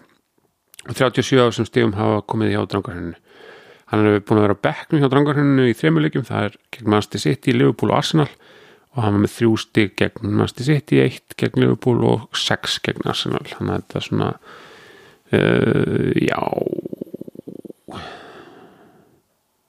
En allan að koma 8,3% af heldastígum drangarhinsins áttundu fyrir Rasmus Hólund hann spilaði, hann er búin að hann var meitt til að byrja með mista fyrstu þrejumur spilaði síðustu áttalegi hjá drangarhinu var á bekknum einn hann spilaði með 17 samtals í fantasi ekki komið neitt marg en þá með 16 aðeins 17 hjá drangarhæninu það var fyrsti leikurinn sem að spila það var eitt stig og svo hefur við verið með slett 2 í held í öllum hinnum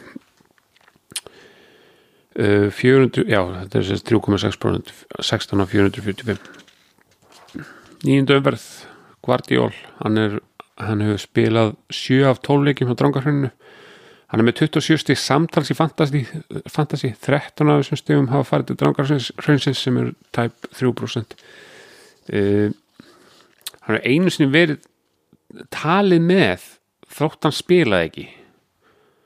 Þannig að til þess að verið með ágættis framstöður bekknum og einu sinni verið í liðinu með 0 mínútu spilaðar að því að það var engin annar á bekknum sem gæti komið inn fyrir hann. Þannig að það getur verið já, getur verið dýrt að missa út svona leikmenn sem að hérna, verða að vera inn á sem er ekki með spilaða mínútur. Tíundu verður Matti Kass. Hann hefur spilað 10 af 12 leikjum á drangarinu 45 stíð samtals með, hann er sjötta til sjönda seti meðal vardamanna, það er fínt. Bara Matti Kass solid átt, átt þarna bombuleikin á milli. 38 stíð farið til drangarhinsins 8,5% nú 11. umfyrir Jadon Sancho það er nú búið að vera sorgasaga hjá húnu hjá Manchester United. Hann spilaði eitt leik af hann spilaði bara fyrsta leiki hjá, hjá uh, drangarhörnunu bara með þrjú stíð samtals hann er bara með 22-30 myndur í fyrstu þreymuleikinum og svo ekkert spilaði eftir það.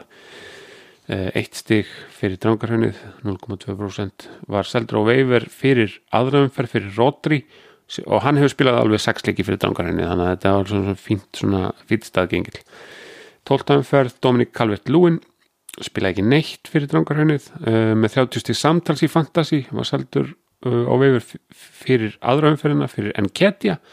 Og Enketia hefur alveg spilað 11 leiki fyrir drangarhennið 42 stík samtals. Þannig að þetta var svo sem alveg fínt uh, rosa fínt veifir þa þar að fá hann inn Calvert Lúin á tvo leiki fyrir Brand Brjála og, og einn leik á bekknum hjá ósakingsmennum 13. umferð Erik Dyer kom þar inn. Hann á núleiki hann hefur rauninni bara spilað síðustu tvo leiki uh, fyrir tóttunum á tímabilinu eftir að þeir mistu einhverja út í leikbann og miðsli og villisu og þessi tvei leiki sem hann hefur spilað hafa skilað á núlstegum í, í fantasi þannig að hann hefur svo sem ekki verið að gera mikið. Uh, og núlsteg fyrir dranga og, og þú veist bara, já, engin annar vilja hann. Kannski vil hann einhver, einhvern núna en ég veit ekki en það var allan engin haft nót fyrir hann úr þessu. Um, hérna uh, já. 14. umverð Dan Byrne. Hann spilaði sjöleiki fyrir drangarinni og hann er með 37 stík samtals í Fantasí sem er jafn mikið á Tiago Silva, Tarkovski, Edison, Longstaff Longstaff, já, allan. Uh, sem ágætt verið varnamann þannig að þetta velja og hafna og eitthvað. Uh, hann er 27 stík fyrir drangarhunnið sem er 6% rúmlega. Og seldur á veifir núna fyrir 12 umferð fyrir Kúfal og Kúfal var á bekknum þannig að, að kannski áðan bara inni. Nú 15 umferð Lukas Fabianski hann spilaði ekki neitt fyrir, fyrir uh, hann hefur ekkert spilað fyrir Vestam og þar alveg ekkert fyrir drangarhunnið heldur. Og hann er með 0 stíð fantasy 0 stíð fyrir drangarhaunnið 0,0% og bara ekkert að freyta allan við tökum þetta saman. 132 leikir samtals hjá leikmönnum í 12 umferðum fyrir drangarhaunnið leikir hjá dröftum leikmönnum 69 he, næð draft leikmanna hlutfall af spilum leikjum er þar með 52,7 nei, 52,3 Heldastegafjöldi hjá drangarhenninu er 445 steg og steg frá dröftum leikmunum 250 og þar er draft leikmanna hlutfall af stegum 56,2%. Þá bara eitt lið eftir og svo fara yfir svo samandættir. Languð þáttur, languð þáttur.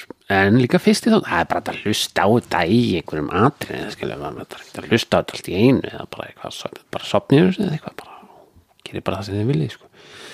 Blanko tím með draft pick nr. 6 og ef við förum yfir pickin hans hann fekk sérst alltaf tvö einu byrjaði að fá tvö pick og tók þar Bruno Fernandes og Bukayo Saka sæl svo komu næstu tvö. Þá komu Darvin Núñez og Phil Foden. Þannig að þá voru komið þrjá miðjumenn og eitt, eitt sóknumann svo komu næstu tvö eftir það. Þá, þá komu tveir varnamenn það var Ben Chilwell, John Stones. Svo komu tvö pekka eftir því. Þá kom Gabriel Jesus Gabriel Jesus Jesus og Dejan Kulusevski. Það var sjönda og áttunda svo kom nýjunda og tíunda pekk það var Ruben Díaz og Sven Botman tveir varnamenn aftur svo komu 11 og 12 þá var það markmaður og varnamaður Kepa Arrizabalaga og Levi Colville 13. og 14. þá var Evan Ferguson og Le Leandro Trossard og svo síðasta pikið 15. síðasta pikið í öllu draftinu Jordan Pickford. Tökum myndu að saman. Ég var að fá að lægið aftur. Nenni því einhver? Já, ég, ég nenni, ég er bara að taka þetta fyrir mig. Nenni engin að lústa eh. Bara, bara, bara, bara Bara, bara, bara, bara. Ok erum við og mm. Bruno Fernandes. Læti er þetta jólaður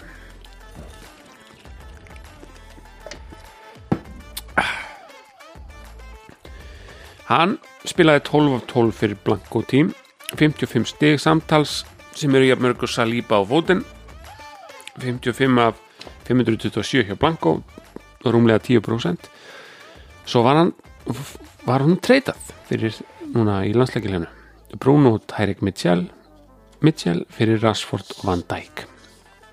Það verður þetta verður mjög áhugavert að sjá hvernig þetta spilast. Hver græðir á þessu?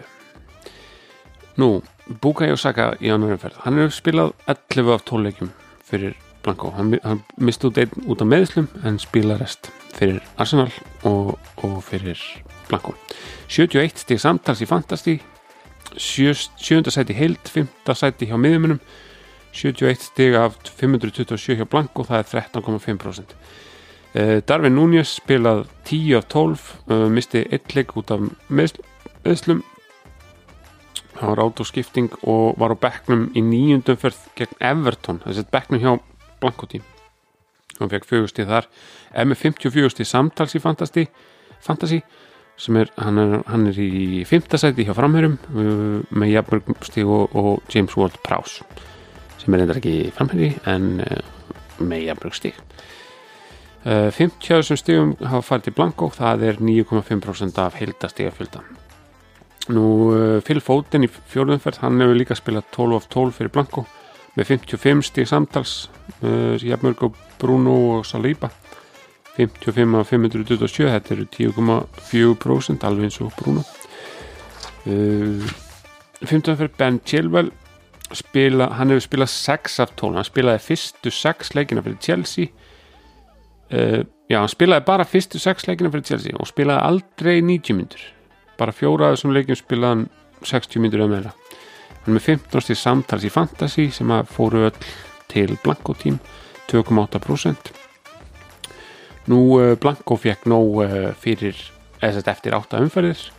Seldan waiver fyrir Chimikas sem hefur spilað fjóra leiki fyrir Blanco tím uh, Chilwell hefur ekkert farið í neitt annar liði í ljóndeldinni en það bara verið mittur John Stones hann á 0 leiki fyrir Blanco spilaði ekkert fyrstu sjöumfyrðnar fyrir City á fjóra leiki síðan en bara einnaðum 90 myndur með 50. samtals í Fantasy. og hann var seldur á veifur fyrir þriðjumfyrðina fyrir Petro Porro sem á alveg 8 leiki fyrir Blanco síðan þá hann var keiftur af Funny But True fyrir þriðjumferðina nei, nei, fyrir hann fór í línuvilt hann var keiftur af Funny But True fyrir 11. umferðina á Veiver fyrir Aki, Eiki uh, Funny spilaði hann um í 11. umferð fekk 60 fyrir hann en seldi svo beint aftur fyrir nei þann Eiki Aki það flett upp þessum frambörðið eitthvað. Sjöndum fyrir Gabriel Jesus. Hann spilaði hann er bara búin að spila sjöleiki á tímabilinu fyrir Arsenal. Tvo af þeim 90 myndur og tvo undir hálftíma.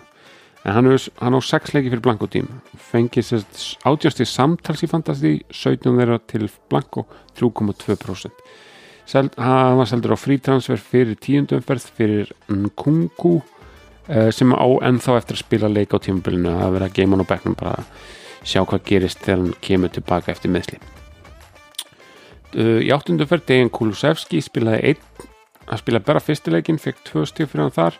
Hann, uh, hann er svona journeyman í, í fantasy hann á 40-60 samtals í fantasy sem er jafn mikið á Declan Rice uh, Oddsson Edward, Callum Wilson hann hérna Blanco Team seldan á waiver fyrir aðra umferð fyrir Richarlison sem á tvo leiki fyrir Blanco Team.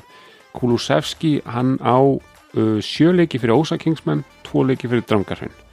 Þannig að hann hefur farið víða. Hann, á, hann er einn af þessum sem á leiki fyrir þrjú mismöndi lið í ljónadildinni nýjumdöfumferð þá var það Ruben Díaz 10 leikir af 12 fyrir Blanco 10 af 12 fyrir Master City 27 samtals bæði fyrir fantasy, í Fantasy og fyrir Blanco 5, uh, rúm 5% tíundöfumferð Sven Bátmann komið gott í bíli Sven Bátmann á einn af 12 leikjum fyrir Blanco sem bara fyrstum fyrir 5 stíð þar. Hann með 30 stíð samtals í Fantasy. Var á bekknum í þriðjumferð seldur fyrir 50 umferð fyrir Gabriel Dos Santos sem hefur alveg spilað 7 leiki fyrir Blanco tím Bátmann á einn leik fyrir Drangarhaunnið uh, undir prósent. Hann með 5, 5 stíð á 527 0,9% nú 11. umferð það var Kepa Aris Arisabagala Balaga Arisabalaga uh, hann spilaði ekkert á tímabilinu fyrir Chelsea, hann fór bara beintið spánar. Stakka af þangað í hitan eða eitthvað. Nefndis ekki, nefndi ekki að vera í London hann, hann er með 0 stig fyrir alla, 0, hann bara 0 0, 0, 0 um, og Saldró Veiver fyrir þriðjumferð fyrir Sam Johnston sem hefur spilað þrjáleiki fyrir Blanko 12. fyrir Levi Colville sem á þrjáleiki fyrir Blanko fyrstu þrjáleikina með 35 stig samtals í Fantasy 9 fyrir Blanko 1,7% var látið fara á Veiver fyrir fjóruðumferð fyrir Udogi hjá Spör sem á alveg 6 leiki fyrir Blanko þannig að uh, Blanko hefur verið að láta menn fara uh, hafa verið að láta menn fara snemma fyrir leikmenn sem hafa alveg spila slata uh, ef hann Ferguson á 7 af 12 leikjum Blanko hann á 11 af 12 fyrir, fyrir Brighton en bara, bara einu sinni spila 90 myndir 5 sinni spila 60 til já 60 myndir pluss þannig að þetta er Brighton rúletan 41 til samtals í Fantasy 14. sæti af framhjörnum eh, sem er ekkit ekkit eitthvað hoppandi fínt en með, með að við einhvern veginn róteringu þá er alltaf lægi kannski. Með 19 stiga 527 hjá Blanco 3,6% Seldur á veifur fyrir þriðjumferð fyrir Semenyo hjá Bormóð sem var á bekknum í tværumferð hjá Blanco áður en Ferguson var fengið aftur inn fyrir fymtumferð um, eftir að hafa skorað þrennu í fjórðumferð en Ferguson hefur ekki spilað fyrir neitt annað leið í ljónundelinni 14. umferð Leandro Trossard spilaði eitt leik fyrir Blanco bara fyrsta leikin fekk eitt stíð þar og var síðan látið fara fyrir Soli March sem hefur spilað fjóra leiki fyrir Blanco Trossard á, á eitt leik fyrir draftbandalæðið síðan þá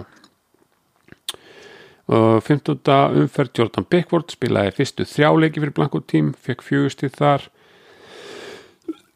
fór svo frí transfer fyrir Flecken sem á sex leiki fyrir, fyrir Blanco Pickford á líka tvo leiki fyrir draftbandalæðið en fjögustið á 527 fyrir Blanco og það er, 0, það er undir 1% hann er með 31 stíð samtals í Fantasy sem er jafnverk og Martinelli, Konsa, Lemina. Þannig að Blanco tím við kíkjum á þetta 132 leikið samtals við veitum það. Leikinni sem að draft, draftu leikmenninir spiluðu 83 sem er draft leikmann hlutfall upp á 62,9% heldasteg heldasteg Blanco tím eru 527 og stig frá draftleikmannum 330 þannig að draftleikmannar hlutvalli af stegunum er 62,6% sem er bara ágætt. Þannig að við förum yfir þetta að svo sem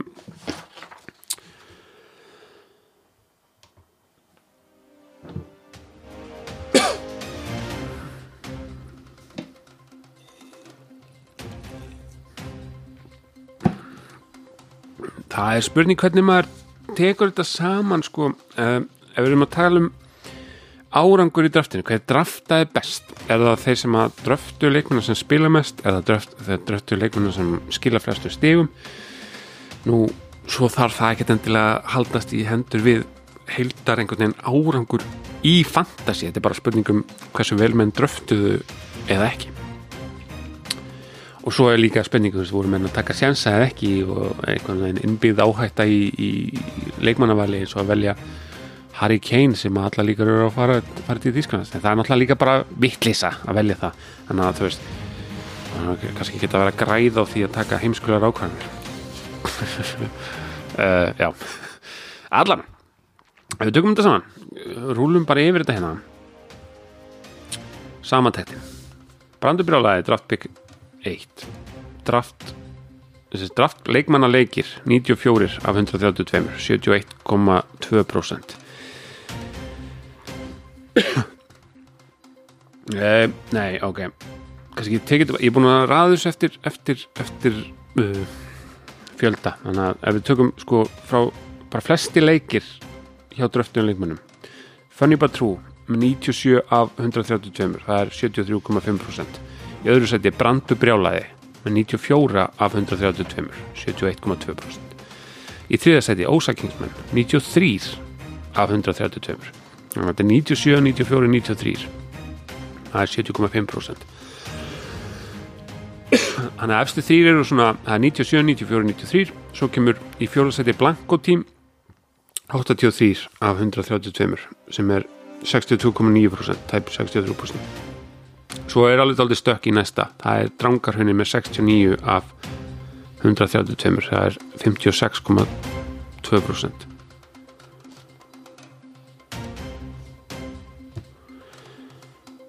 og svo er það ennþá meira í draftbandalæð sem er neðist í þessu uh, sem, að sem að drafta leikmann hafa bara spilað 67 af 132 leikjum sem er bara rúmlega helmingur Funny But True 73,5% draftbandalæð 50,8% og þetta er eiginlega dramatískara þegar við skoðum stigahlutfallið. Ef við tökum bara Já, þar getur við leikja okkur með það því að þú veist, það er náttúrulega svo sem bæð, uh, sko, röðunin er svo sama hvort sem maður tekur fjölda leikja eða, eða leikja hlutfallið en það er aðeins öðru sér þegar við tökum draft, sérst, stig frá draftuðunleikmunum ef við byrjum bara að hilda stigum frá draftuðunleikmunum þá er það Funny But True 541 stig sem er, sem er meira eldur en alveg þrjú lið hafa samtals fengið í fantasi í ljónadeldinni bila dæmi sko. en já, allan, Funny But True 541 stig, Brandur Brálaði 397 stig, Ósa Kingsman 370 stig, Blanko Team 330 stig, Draft Bandalagi 322 stig, Drangarhaun United 250 stig.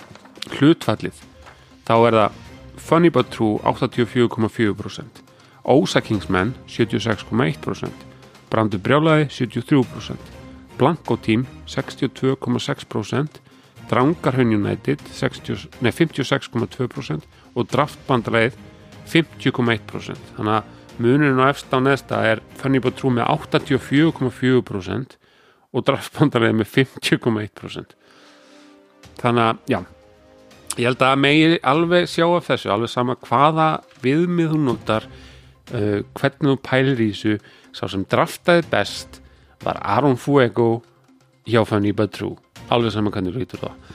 Besta draftið uh, hafa skilamestu bæði hvað var að leiki stig, öll hlutvöld, allt. Fann ég búið trú er á topnum allstaðar nú svo sem draftaði verst það lítur eiginlega bara að vera draftbandalæð sem er fyndið í ljósi napsis en þetta er náttúrulega draft fantasy svo er það 50 og 50,8% í, í, í leikjarhlutvalli 50,1% af stígalhlutvalli en tölfræðin sem skiptir kannski meira máli er hver er á tónum hver er á tónum hæ, hæ, hæ hæ hver er á tónum